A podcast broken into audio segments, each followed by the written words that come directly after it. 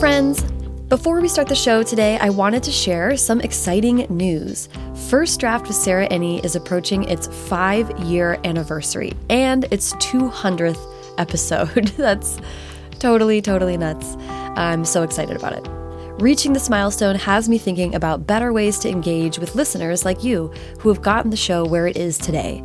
That's why I'm excited to announce the upcoming First Draft Listener Club, a premium membership community where fans of the show will get audio extras like longer, unabridged episodes of the First Draft podcast, exclusive monthly newsletters where I will break down what I've learned about writing and life and podcasting for the last five years and will become part of an interactive member community to connect with me, your host, Sarah Enni, as well as with each other. Like minded weirdos. It's, we can never get enough of that. Creating a listener club will not only keep the lights on, it will ensure that First Draft can continue to grow and evolve. There are so many amazing new things and people and formats that I want to bring to the show, and this will make that possible. To learn more about the First Draft Listener Club, check out www.firstdraftpod.com or check out the show's Twitter or Instagram at First Draft Pod. I will be sharing the link all over the web. Okay, now on with the show.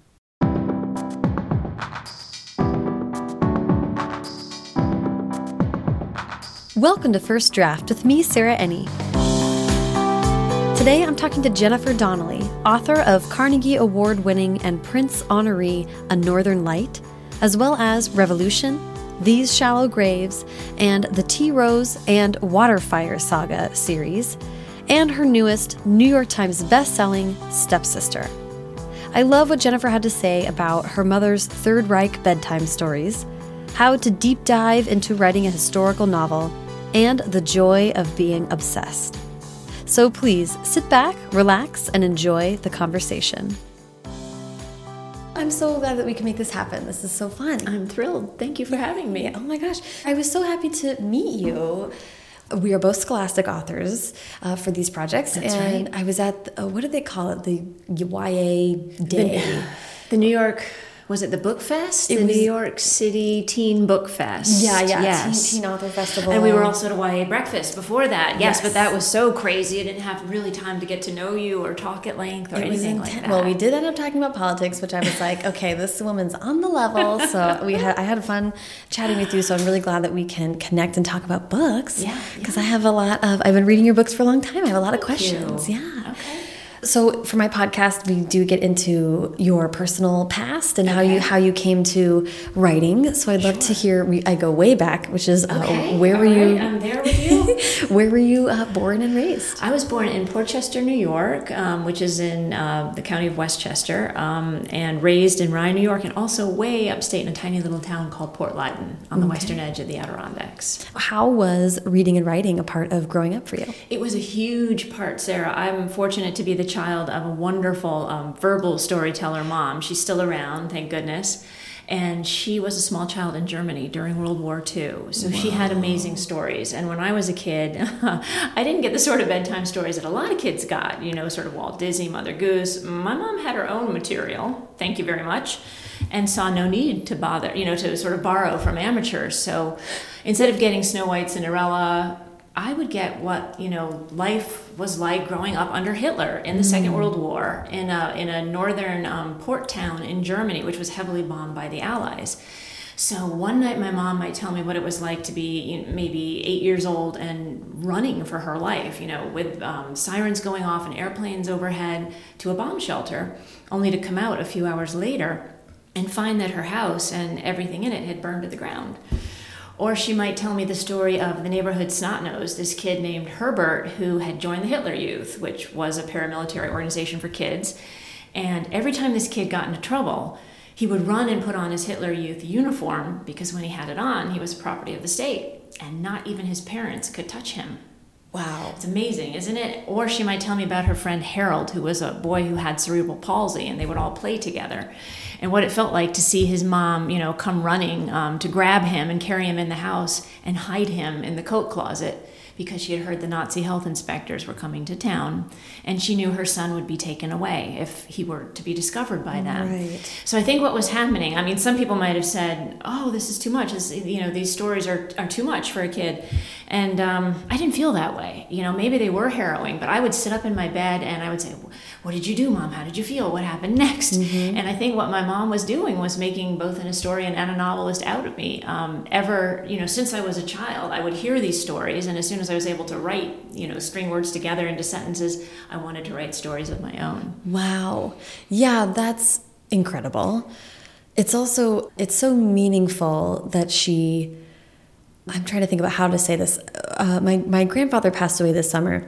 It was terribly sad. What, what continues to make me sad is that I didn't hear more of his stories. Yes. We don't always know the stories we want to hear until they're lost to time. And so I love that she was like, listen, Yeah, very much. I so. am interesting, and that is what we're going to talk about. Yes, and this really happened, and this this taught me as a young young kid, you know, the the power that history has on us and how it shapes us, and maybe saves us, um, often dooms us, and that it's not about only the the generals and the kings and the battles and the treaties, but it's how these huge forces work on everyday people. Yes, absolutely. Okay, well, that's okay. Answers so many questions about history and loving and making it relevant to present day, I think, which we'll get to. But so, so it sounds like then as soon as you were able to, you were sort of writing your own stuff. Yes, What really were bad little poems and stories that my Yeah. wonderful mother submitted to the local newspaper. Um, it um, sort of inculcated in me this this desire and this um, expectation for words and stories in my life, and it's something that's always been there and that I've never lost. Yeah, that's incredible. W- what types of stories were you writing? How often were you writing them? I was, you know, I can't even remember what they were. They were often about my dogs, you know, about my friends. I would make little books, um, give them to my friends, and put prizes in them. It was always just there, and I never sort of questioned it. It never seemed anything unusual or different to me. And it's uh, it followed me through high school when I was writing in my um, my high school's literary journal. It followed me into college when I was working on the newspaper, uh, and it's just it's I don't think ever going to leave me. Yeah, absolutely. I know that you had to work for like a decade to get your first book published. Yes. But I, I'd love to hear like when did you start to think I want to publish a book, and what was that process like to get started, and how what what happened over those ten years? T- tell me the whole tale. I think it really, the sort of I want to write a book, I want to write a novel thing uh, happened when I was uh, in college and I had a semester abroad. I was living in London. I was living on the west side in Ladbroke Grove and I had this crazy, wonderful landlord named Clark Hanford. Clark, if you're still out there, I, I just can't thank you enough for the story that I'm about to tell. Clark had a shop on uh, on the Portobello Road, and he was a designer. He made beautiful clothing. He sculpted dolls. He had famous people in and out of his store, and he was an incredibly creative man. And he would invite me over for tea, and one night he did, and he's like, "Oh, look at this bag of stuff I got! It's so cool!" And it was beads. How can we use this? And he he lived in this amazing apartment, this this house, you know, with taxidermy and antiques and just the coolest lair. And so we were looking at his stuff, and he's like, "Oh, have you ever been to the Brick Lane Market? Eh, you know, on the east side of London?" And I said, "No." And he said, "Oh, we've got to go." And this was a Saturday, so he said, "I'm picking you up tomorrow, 4:30 a.m. You know, be outside. We're going." So I, you know, I, I'm game, and I, I was standing outside of my apartment building at 4:30, and I hear this put put put put put, and it's dark, and there's no one else around. And around the corner comes Clark in a Model A. How he got this thing in London, I do not know. And we jump in, I jump in, and off we go in the dark, and we leave sort of the lovely, pretty west end of London, Ladbroke Grove, Notting Hill, and we go into a different, darker part of London. And this was the mid 80s, so some gentrification had happened, but not very much. And we were going um, more and more east, and it's getting darker and lonelier and more remote. And we're going into what looked like a pretty rundown part of town. Sort of a lot of houses that were tumbled down, two ups, two downs, a lot of sheds. And we pull in under a subway overpass. And Clark cuts the engine, and it's dark, and I'm suddenly thinking, oh my God, how well do I know Clark? my fears were unfounded, and we get out of the car, and I hear singing, Sarah and it's it's this it's, it's costermongers and they're singing my oranges are better than his my apples you know come see my apples my lovely and I felt as if Clark and I had taken a trip in a time machine, this, this Model A of his, and we'd come out in the London of Dickens, the London of Hogarth. It was tumble down and it sort of spoke to a darker heart, and it was beautiful. I was in love. I was hearing this muscular Cockney language. There were people selling jellied eels and pickled whelks and apple fritters, and I was eating everything. There was a group of men standing together with loupes in their eyes and big wads of cash, you know, sort of handing jewelry around, and people that opened these sheds, and in them were antiques and old clothes. And that day, you know, um, I think I bought an old necklace and an old tweed blazer, and Clark bought a toilet because he was always fixing up buildings and I just um, found my calling. I found my purpose. I, I, wanted to write about this place and its people. It was the London of the labor movement. It was the London of the Dockers strike. It was the London of Jack the Ripper. And I lost my heart. I was gone. I was totally in love. Yeah, I, have heard you talk about that experience as um, that you'd never before felt like maybe you lived a past life. Yes, yes. I, I just, I don't know. It went straight into my heart, and and you know, it was it's just this moment of I love this place. I love these people. I feel so at home here. Mm-hmm. It really, really spoke to me. Yeah, it's so that's so powerful. Yeah, it is. I talk to people a lot about how those moments can strike us when we're looking for like a new place to live, which is sure. an experience I've I've had a few times in my life. And then when you sort of connect with it, you're like, yeah, okay, this is where it is. This is it. It clicked. Yeah, yeah, yeah. And it just it led me on a wonderful path. It started my writing career, and I, you know, I still just. Um, oh, I just love and crave that part of London. Yeah. So so what was you have this beautiful experience of this place and you know you want to explore that. How do you go about crafting a book idea? I had no idea. listeners, do not take me as an example of how to write a book. I started in earnest writing my first novel, which was The Tea Rose, which was set in the East End of London and in New York at the turn of the last century, and sort of, you know, with all the enthusiasm and stupidity of a 24 year old just jumped right in knowing nothing. And it, long story short, took me about 10 years to write that book. I was getting up in the morning before work. I didn't have money for grad school. I didn't have time for a writer's group. So I was trying to teach myself, mm-hmm. and it took 10 years to do it. And finally, I had this manuscript that I thought was a book. It was 1,100 pages long. And I thought, well, now I need an agent. So, from what I understand, you're supposed to kind of query one agency at a time, wait for a response. If it's yes, great. If it's no, go on to the next one. I didn't do that. I just carpet bombed all the agencies that sounded great in the Writer's Digest. And luckily, one I was very interested in, Writer's House, responded to me. Um, Simon Lipskar wrote and said, Yeah, I'm, I'm interested, you know, send me a sample. So I did. And then he said, Oh, send me the rest of the book. So I did.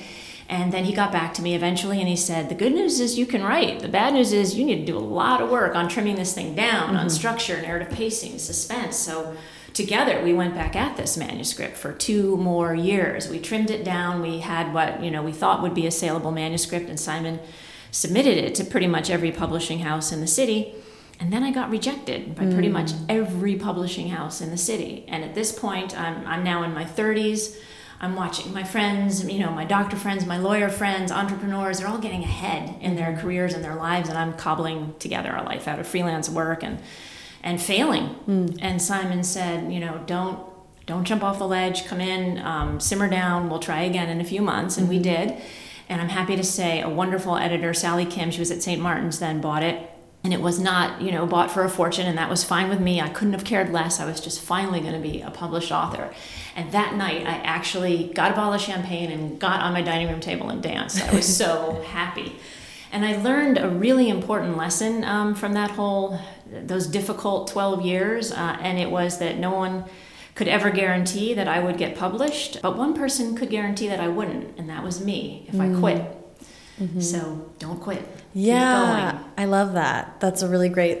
That's a really great way to phrase that lesson, which is one that we all learn at some point or another. Yes. I think. Yes. The um, having 10 years to like you i love i love that like teach yourself how to write a book um, and then have the um, advice and help of your lovely agent you then then your follow-up book was a northern light right yes i think i actually i'm trying to cast my mind way back i may have sold a picture book very first which was called um, humble pie and was illustrated by Stephen Gammell. And then I believe the Tea Rose sold next, and then A Northern Light sold. And, Okay. And I'm happy to say I had the opposite uh, experience with A Northern Light. Steve Malk at Writers House represented that book, and it sold on proposal Oh. and went to auction. So, yes, that was completely different and So very so exciting. That's yeah, very different experience, right? So so talk to me through that process because that is so interesting that it sold on proposal. Had you already had this idea? Had you been playing within the back of your mind? What was that It had been perking. Steve and I had worked together on the picture book, and he asked me, Do you have ideas for other books? And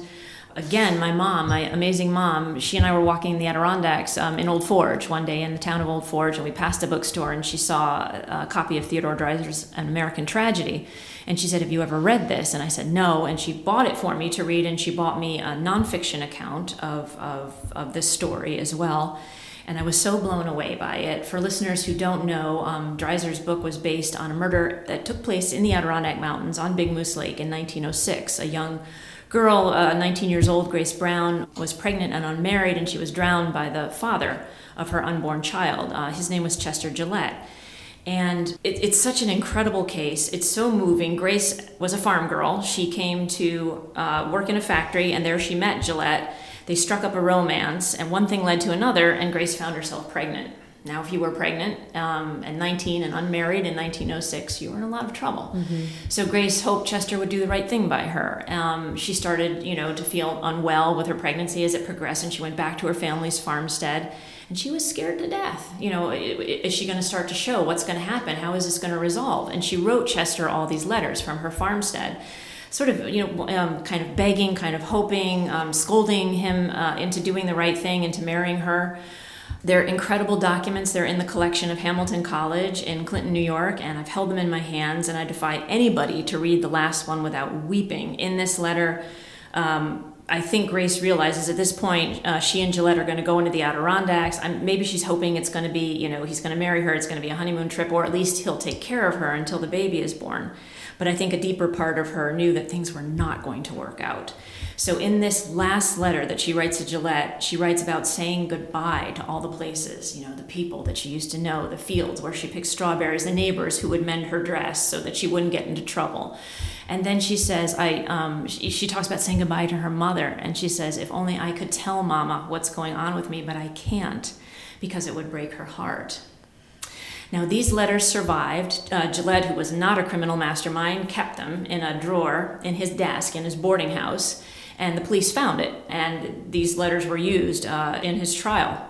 And I imagine Grace's mother and her father and the family sitting there listening to this letter being read out, and it, it, it now and then it just breaks my heart to pieces. And this stirred up such strong emotion in me, and I had to get this emotion out the way writers do by mm-hmm. writing a book, and that became A Northern Light. Long winded explanation. No, that's incredible. That's so incredible. So you had this this burst of inspiration, and then you had after ten after ten years with your first book. How long did you have to write A Northern Light? It took me about a year and a half. Okay. Yeah, I was still very naive and not paying close attention to deadlines and schedules and things like that. Luckily, this book didn't take me that long. I, I got it done pretty much in about 18 months. Okay. Yeah. And it, I mean, it's extraordinary to me just because A Northern Light, for listeners who don't know, is a beautiful book and also received enormous accolades and was incredibly critically well received. So it's it's such an interesting thing to to have you go through the sort of 10 years of trial and error working on those one story and then having a, a burst like your second book kind of explodes a little bit Yeah, it What was nice. yeah yeah yeah what was It that experience nice. like It was um, it was so gratifying, and I was unprepared for it. And my main character, Maddie, who's fictional, Grace Brown is in the book, and she was, as I've just explained, a real character. Um, the the fact that people cared about her as much as I did, and and she she was born because I was so so haunted by Grace and almost grieving for this woman that I'd never known. And I so badly wanted something good to come from Grace's death. And that something good was Maddie. And Maddie gets to live her life in a way because Grace loses hers. Um, what Maddie learns in the letters that she gets from Grace, um, those letters that I mentioned uh, that she had written to Gillette, really changes her life. So that that spoke to other people and that resonated with other people and affected them as deeply as it affected me, that meant the world. Yeah, it's really beautiful.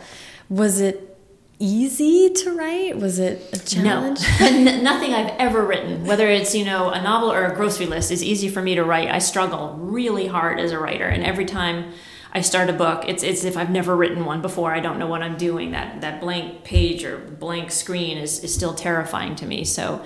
It was quicker than the first book, but I wouldn't say it was easier. Mm-hmm. Okay. Yeah. Well, okay, and we talked about you obviously had done research as for for Tea Rose as well, but with the Northern Light, it's also like right in you kind of in your backyard. It's very personal. I mean, what was it like to research that and then to know when to stop and mm. to craft your own narrative? When when how much do you do? When do you stop? That's a question. Those are questions I get a lot, and it's it's hard to answer it because it's more an art than a science. It's just a feeling that first you're drowning in this period and then you're you know you're dog paddling treading water and suddenly you can swim. And that's mm-hmm. that's when you feel sort of competent and okay I've got this. But the truth is I'm researching you know right up to my copy editing deadlines and I'd, I'd still be researching on all those books if the editors hadn't grabbed them from my hands. I would spend so much time in you know places like historical associations and um, museums. Um, I actually got to hold or touch a, a, lock of Grace's hair that had been um, when the body was fished out of the uh, out of the lake. Some of her hair caught on the hook that pulled the body from the water, and this was preserved. And I got to see a hundred year old you know diary of a Cranberry Lake farm wife. And you just you at that point you're sitting in a room with ghosts, and it's just such an amazing feeling. Um, they give you a lot, but they're a little treacherous too because they take pieces of your heart in return. Mm-hmm so yeah, that that research to me, I'm I'm blabbering now. You have a passion for this. Yeah, I do. I yeah. do have a passion. Yeah, yeah. And that's wonderful. I mean, imagine if you were like history. Meh. No, no, it's um, and you have to, uh, you really have to dig deep. I, I find um, you have to you have to go deeper than you ever think. You, when I did Revolution, another book, I started out with a big historical survey, Citizens by Simon Schama, which mm. gives you the names, the dates, the players. Um, it's an amazing book, uh, and and that sort of gives you the overview. And from there, I start to dig in. You know, sort of raid his bibliography. What were the primary sources? What's particularly interesting? and then you can just sort of open that all out. I also spend a lot of time in the place I'm writing about, whether mm-hmm. it's Big Moose Lake in the Adirondacks or Paris just walking, listening, observing, you know, smelling the air, um, listening to the sounds, looking at how the light changes, uh, looking for the mannerisms of the people that live in a certain area, which sometimes I think endures century after century after century. Yeah. So just being a giant sponge and trying to suck it all in.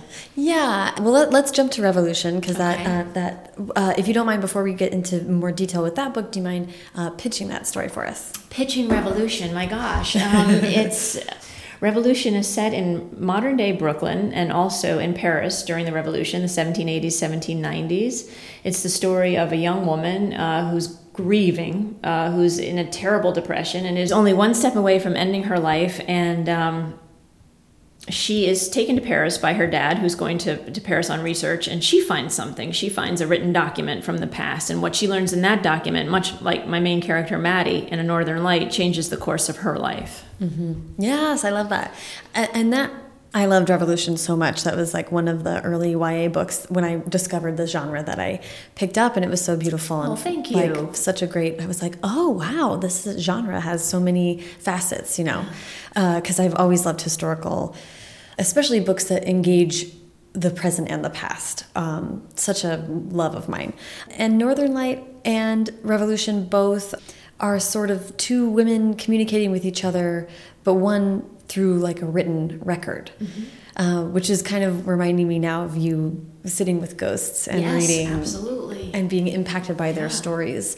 So, I mean, was that kind of the feeling you were channeling, or how did you how do you think about the interplay of the two women's stories? Yeah, I, I just you know, I just feel ghosts so much. I can't walk around, it just sounds so woo woo, but it's the way I am. I can't even walk around New York and look at the facades of old buildings or, you know, crumbling railings without thinking of all the hands that touched that railing and all the people that walked on the pavement mm-hmm. in front of that building and sort of squinting my eyes and, you know, the, the current day crowd becomes that old crowd again mm-hmm.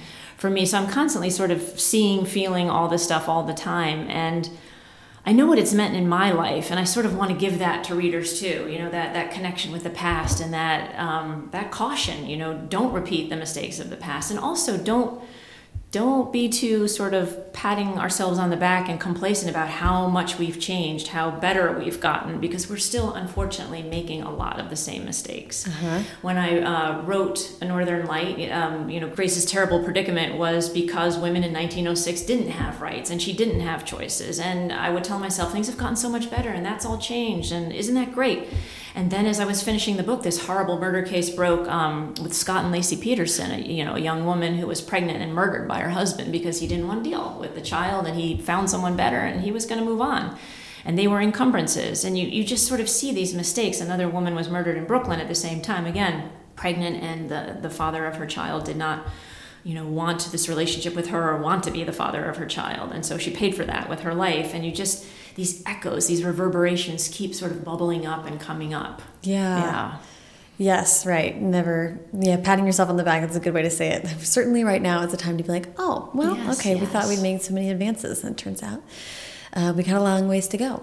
I do actually, I want to I wanna step back just for a second because I'm so interested in, you'd mentioned um, feeling anxious to sort of get your career going in the process of getting your first book published. Then your first book is published. Then A Northern Light has this sort of mushroom cloud like expansion of uh, because it was so well received. I can imagine that felt like so wonderful. I ask these questions because a lot of writers listen to this podcast, so I'm just curious about at that point in your career, what what were you thinking about your career? What were you did it shift your thinking about yourself as a writer or what was possible or how did that kind of impact your creative life? I wish that i had a really good answer to that. The, the problem is is that i've never i haven't thought enough about sort of careers and business and that whole aspect of writing. For me it's just this overwhelming love of whatever has has captured my heart at that point and it's sort of what's my next story going to be so I, I, never, and I should perhaps approach this whole business with a little more calculation, but it's it's just never been my mo. That's okay. Yeah, it's just it's just you know this this love affair, this bright and shiny thing, and I'm so enraptured with it, and I'll follow it anywhere. That's sort of how I've always done done my books, and probably how I always will. Yeah. yeah. Well, did you feel pressure though, or? Did you sort of like, to top it, like, oh, this yeah. got a lot of attention. Now I better, you know, do one up. No, not really. Or that just that there being more eyes on what you were going to write, or any concept of audience. Sometimes those things can spook writers, but not always. No. Great, good, good. Um, one of my my first real writing job was as a reporter, a young reporter for a very scrappy, two-fisted upstate New York um, daily newspaper, the Watertown Daily Times and we started i think at 6.30 in the morning and you had better show up with a story. You had uh, better have something to contribute. And there was a lot of pressure. There was a lot of tension. There was occasionally some yelling and screaming. And it taught me you know sit down start working. Uh, that's what counts. Don't wait for the muse. She'll show up once you start working. And mm-hmm. sort of I don't know. It's it's a wonderful finishing school, a newspaper for a writer because it just focuses you on the words, the story, and the and the currentness of it. Yes. Yeah, if that makes sense. Oh yeah, yeah, yeah, yeah. Yeah, That's, yeah. Uh, so it's always kind of been that for me. It's a continuation. What's the story? You know, what's the story? That's what I'm concerned about, and the rest will hopefully fall into place. Yeah, I mean, I think that's a great example of. Uh, what's the saying? Um, eyes on your own paper yes. a little bit. yeah right? Yeah, That's all exactly. you can control. Exactly. Yeah. Okay, good. um, yeah, I, I just I love that parallel with the Northern Light and with Revolution that that it was two women's stories kind of in some ways building each other up um, when they needed it the most. Mm -hmm. But so interesting to have one character sort of limited in how, you know, not interactive. Like their story kind of had already come to its natural conclusion but right. then how do we learn from those stories? And how do we continue to engage with people who have come before us and try to be better to honor them in some yes, way? absolutely. And and revolution began because i was sitting at my uh, breakfast table in brooklyn reading the new york times and saw this amazing article, this amazing photo, and it was um, a priest celebrating Mass in the background, and in the foreground, this incredibly beautiful old etched urn, and something was hanging in it. And I was intrigued, so I started reading the article, and it turns out what was hanging suspended by a wire in this old urn was the small dried heart of a child. So I read the story behind this heart, and it went um, into detail about how the the young son of Louis XVI and Marie Antoinette had been taken away from his parents during the Revolution, which I did not know. Of course, I knew that the king and queen had been guillotined, but his his young daughter and young son were taken away, and Louis Charles was going to be re-educated by the revolutionaries in the way of the revolution. And as the king's only son and heir, he was a huge threat to the revolutionaries. Foreign kings, you know, there were threats that he would they, they would invade France and that they would um, restore this boy to the throne and rule in his name. And so the revolutionaries, to prevent this, locked the child away in a in a tower. Uh, in a room by himself with uh, very few companions, just some, some rather brutal jailers the room was rat infested. He would often take what little food he was given and push it in the corner so that the rats would bother the food instead of bothering him. And over time, this poor child um, became sick and he lost his mind, and eventually he died at the age of 10. And the body had to be autopsied, everything had to be done properly. They had to prove that the heir to the throne was dead, and three doctors did the autopsy.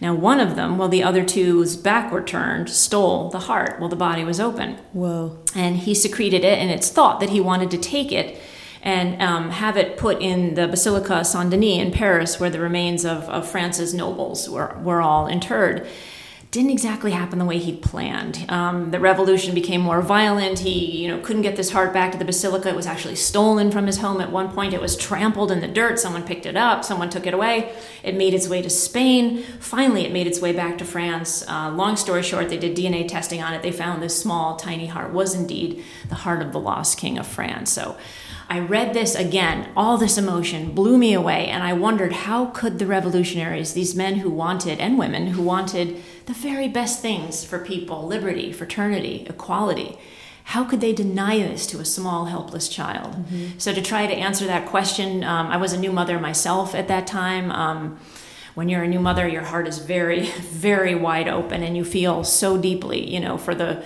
for the children of the world for for the injustices of the world and i i had to sort of explain to myself is is this what the world is like is this world the place i've brought my tender little child into and how how do you navigate this world how do you deal with the cruelty and the violence and the injustice and to answer that question i wrote revolution yeah i love that that was great that was great. And that's like such a wild story. And of course, that would set a lot of gears in motion, right?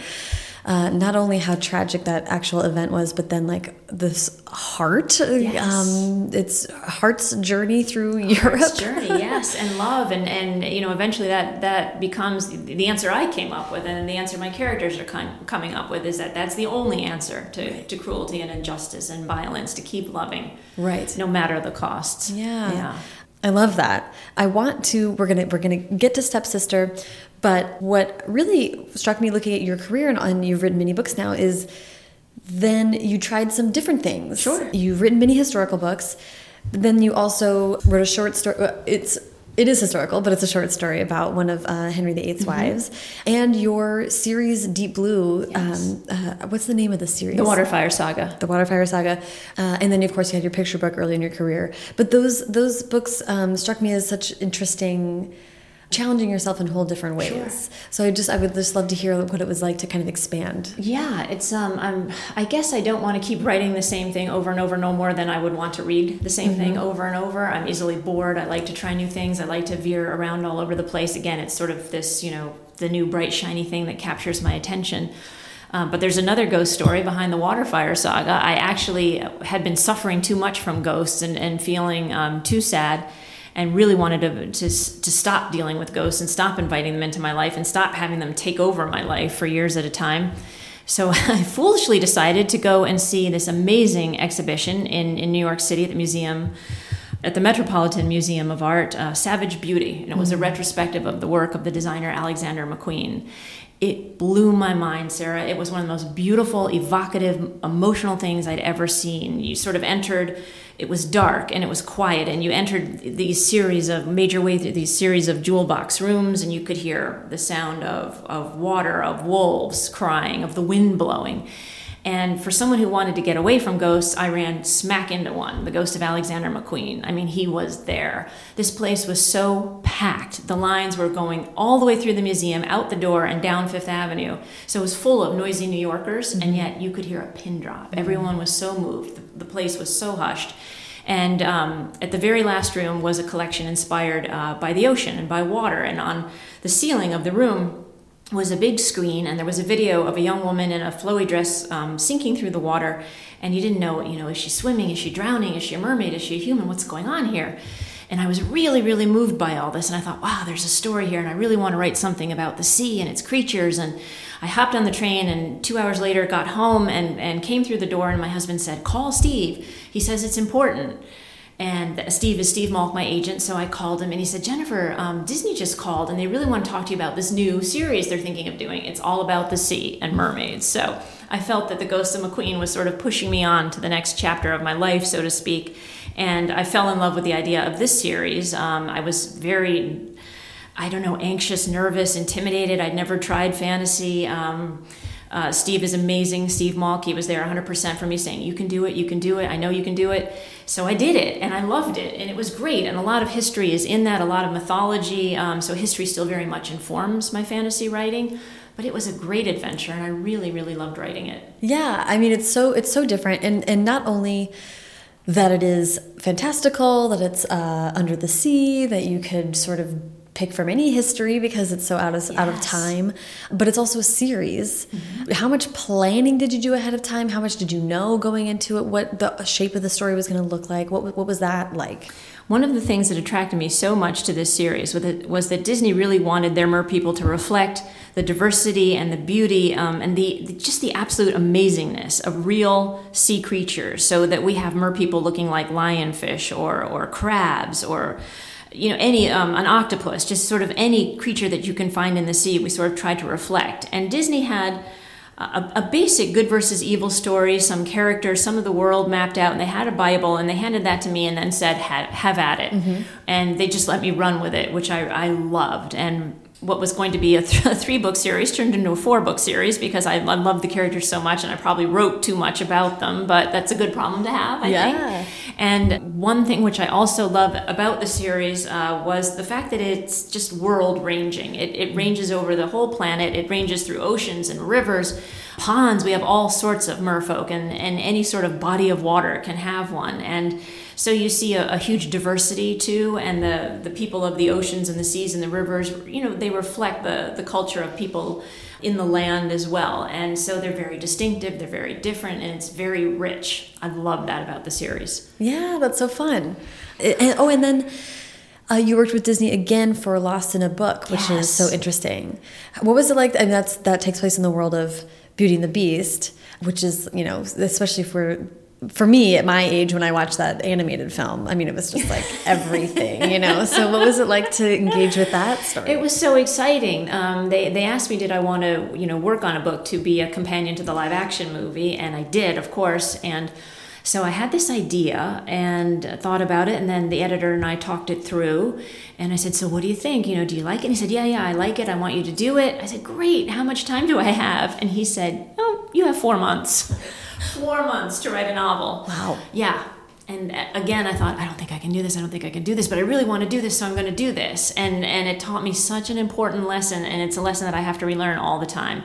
And it's get that crappy first draft down just do it. Just get it down because it doesn't get better and it doesn't get pretty until the fourth, fifth, sixth draft. Yes. Yeah. Uh, yeah. Yeah. so there was no looking out the window, no shilly shallying, just you know, just going flat out. But yeah. I managed to pull it off. Yeah, yeah. that's great. Sometimes I mean, and all of these things are sort of it's so great to challenge yourself in different ways and learn these lessons in these different ways and um, get out of the comfort zone. Yeah, yeah, yeah, And at the same time, with a publisher that's supportive, which yes. it sounds like Disney was, which yes. is also good that someone has your back while you're like, ah, like going full speed ahead. Yeah. Um, but yeah, that was it was just funny fun to look at your career and see that these sort of different opportunities had come up and that you'd gotten to kind of flex different muscles. Yeah, and they sort of seem to build off one another. Lost in a Book came about because of my relationship uh, with Disney through Waterfire Saga, Yeah. and they had read earlier books of mine which they'd liked. So it, it all sorts of uh, sort of builds. And then after spending time in the company of the beast, you know, this this creature is always dismissed as ugly.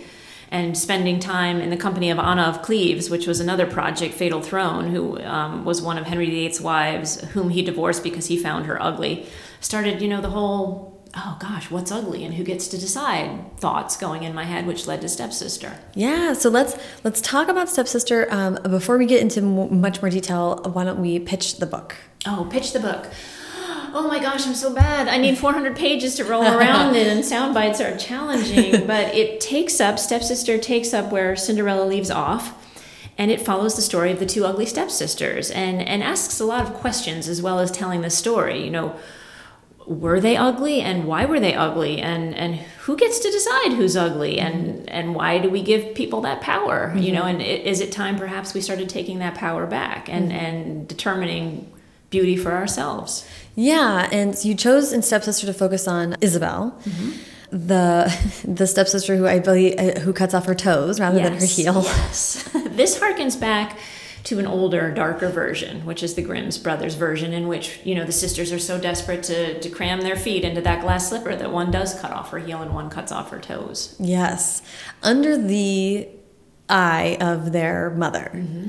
Which to me, I mean, I, I want to hear all about about a lot of the elements of these of this book, but in hearing that your inspiration was so much about what is ugly, how do we determine who gets to make that call, and of course how we inflict this on women and what are the standards that we press upon young women, uh, it felt so powerful to start that way with a mother being the one to enforce it. Yes. Which I think rings true for a lot of people. It can happen that way. Yes, definitely. And just women women are just as much purveyors of patriarchy as anyone else.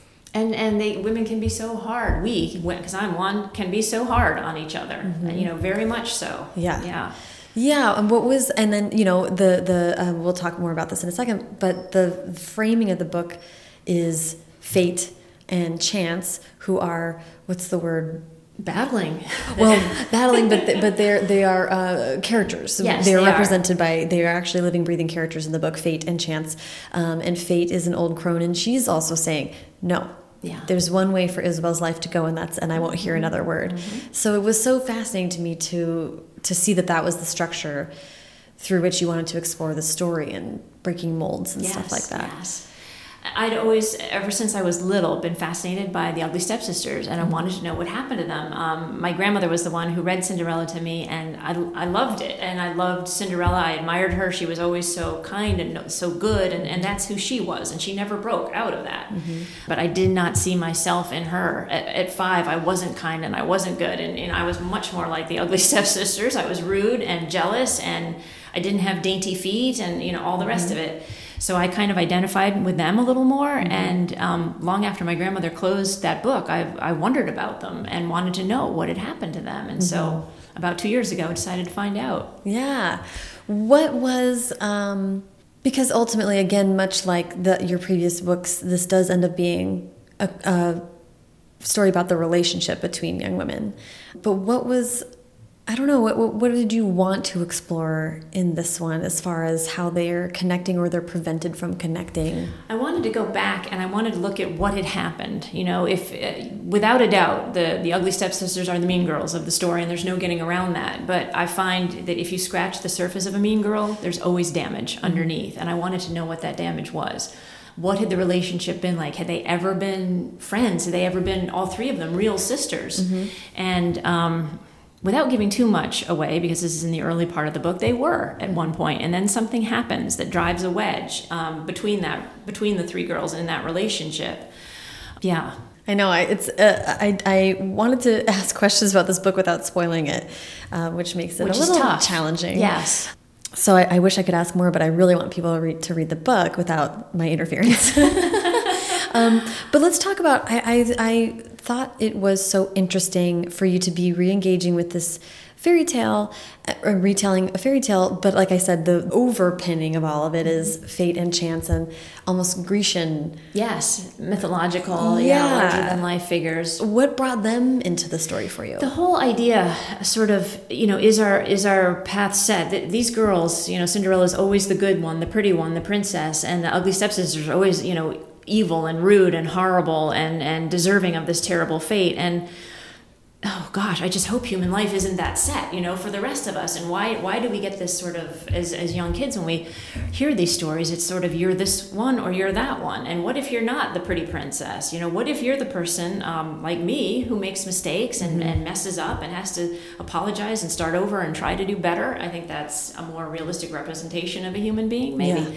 And and sort of can you change? Can you change your life? Can you change the path that you're on? Mm-hmm. Yeah, uh, and I like that's reflected also in like how you what is the word I, I can't th- uh, transmogrify is the word that's coming that's to mind. It's word. it's not appropriate for the moment, but but when you chose the the physical representations of fate and chance, they're so funny. They're yeah. such funny like. Good. I'm glad opposites. you found them that way. Yeah, yeah. yeah. Uh, how did you decide to portray them? Well, the the fates. I mean, it's always where you know it is very mythological, very Greek. The three fates, um, and I, I saw them slightly differently. Um, these fates aren't spinners or cutting strings. They're three uh, three sisters, the maiden, the mother, and the crone, and they live in a, a, palazzo by the sea, and they're map makers. So they map out every human life, and they determine the path that, that life will take and the duration of that path when when that life ends. And and the crone in particular does not like her maps being messed with. You know, she wants a life to go a certain way, and that's the way it's going to go.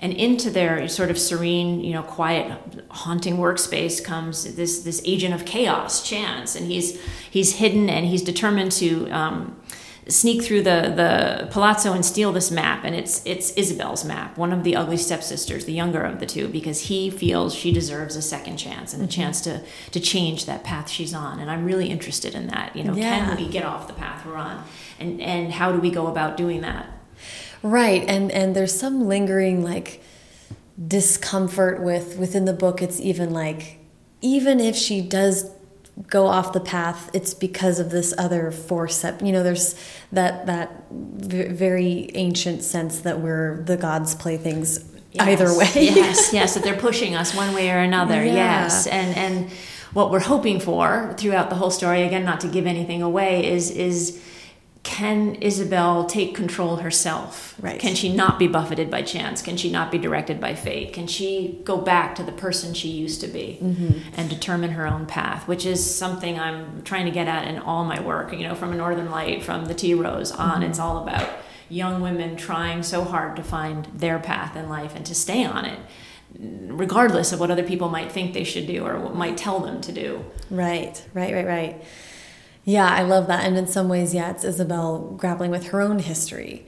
Uh, yeah. Again, I can't say too much. and, um, and what is it like for you if you've been told your whole life you're the ugly one? Right. You know, what, what, what does that do to you psychologically, mm -hmm. mentally, emotionally? Yes. When you're provided with a narrative, it's easy to go along with that. Yeah, absolutely. Tell yourself that story as well. Mm -hmm. Oh my gosh. Okay. The, so again, because of spoiler warnings, uh, um, it's that, so hard to navigate around this. it is. It is, and we'll we'll come back in the future and get it more into it. But um, and the final question is uh, just advice. If you maybe particularly if if a listener is a writer who wants to tackle a historical project, how would you advise them to get into that subject and, and live in that? The first thing is you must have a passion for that um, for that period because you're going to live in it a long time. And, and, and that passion has to sustain you through the difficulties of writing and rewriting and copy editing and all the rest of it. Um, that my next bit of advice would be to uh, read the big historical surveys. Like i mentioned for revolution for me it was citizens by simon schama so that you can really get this um, overview of the period you're writing about uh, and then just do deep dives and keep diving deeper than you think you need to. Um, read as many primary sources as you can get your hands on. Go to the place that you are writing about. Um, you know smell it and see it and feel it and listen to it uh, for a northern light I was in the Adirondacks a lot. I was smelling the pines in the morning and the night. I was on the lake watching the light shift. I was listening to the loons. I was driving the distances. I said my characters were covering in in a um, wagon and mule, you know, with a wagon and mule to make sure um, that an animal could actually make that trip on a daily basis. So you have to be relentless you have to be tireless you have to be a detective and just never never quit keep going right up to copy editing right up to your final deadline yeah, I love that. Yeah, be obsessed. Obsession is a good thing. It's a good thing. Be obstinate, be stubborn, be obsessed. Give your heart, give your all to it. Yeah, I was just talking to uh, another writer, Maureen Goo, who is um, really, really talented YA writer, and we we've been having this conversation over the last year uh, on and on because we for for her, she got obsessed with uh, Supernatural, the TV show. Okay. And I got whatever. I'm obsessed with a, with a bunch of stuff. I'm obsessed with Bigfoot and all these kinds of things. I got really obsessed with the the uh, Dead Mountain, the story of these Russian hikers in the early 20th century who all mysteriously died and on a very intense hike. And that makes you interesting. And, well, and, right. And don't you find other obsessives interesting too? Yes, yes. And, and and and because Maureen was obsessed with this TV show, she was sort of making herself feel bad. She was putting herself through the ringer of being like, why have I watched 12 seasons of television in a month and a half? and it's like, okay, yes, that is a lot. But but we as writers at some point, I, I was pushing against it so hard because I was like, your brain is telling you something. Yes. Your brain is is striving and reaching and grasping at something Craving and for something in there. You yeah. have to um, we have to be able to hold ourselves to slightly different rules or what or those rules don't even exist anyways. Yeah, just like get yeah, into it. Who yeah, cares? exactly. Like you're gonna one day you'll look back and be like oh that was all leading to this. Mm-hmm. we don't have to know right now exactly. what that is. Yeah. but i love that like if you're obsessed it's for a reason. Yeah. follow the white rabbit or whatever. Exactly exactly. And and and throw your heart at it. I mean really give it your all. Really go in 1000% and I, I totally agree with what you're saying. Whenever she would sit down and be like well you know this trend I noticed and I was like she was so obsessed with it that I was like talk to me about it. I I don't even watch the show but you are so impassioned and have so many strong thoughts and feelings about it that I'm engaged and I'm exactly. into it, you know. Yeah. You you can craft a compelling story when you are full of the energy of that story. Totally. Yeah. Okay. Just to cap Yay, on that. Yes, it's a it's a good thing to promote. I think. I think so too. Uh, well, Jennifer, this has been so lovely. Thank you for your time today. Oh, thank you for having me, Sarah. I've loved talking to you. Yay! Thank you so much to Jennifer. Follow her on Twitter and Instagram at Jen Writes Books, and follow me on both at Sarah Enni and the show at First Draft Pod. There's links to everything Jennifer and I talked about in this episode in the show notes, which are at firstdraftpod.com. And if you enjoyed the show today, I would really love it if you could subscribe to the podcast wherever you listen and leave a rating or review on iTunes. And please don't forget to visit the website firstdraftpod.com to click on the button there that says First Draft Listener Club. That'll give you the chance to just fill out a really short survey that will give me a better sense of whether you're interested in joining a listener club. If so, what kinds of stuff you'd want to get as bonus extras and what other kinds of things you'd want to participate in. I'm really trying to make sure that I build something that is responsive to you, my treasured listener. So please go ahead and give me your opinion. Haley Hirschman produced this episode. The theme music is by Dan Bailey, and the logo was designed by Colin Keith. Thanks to production assistant Matthew Selznick and transcriptionist at large Julie Anderson. And as ever, thanks to you, rakish rogues, chance personified, for listening.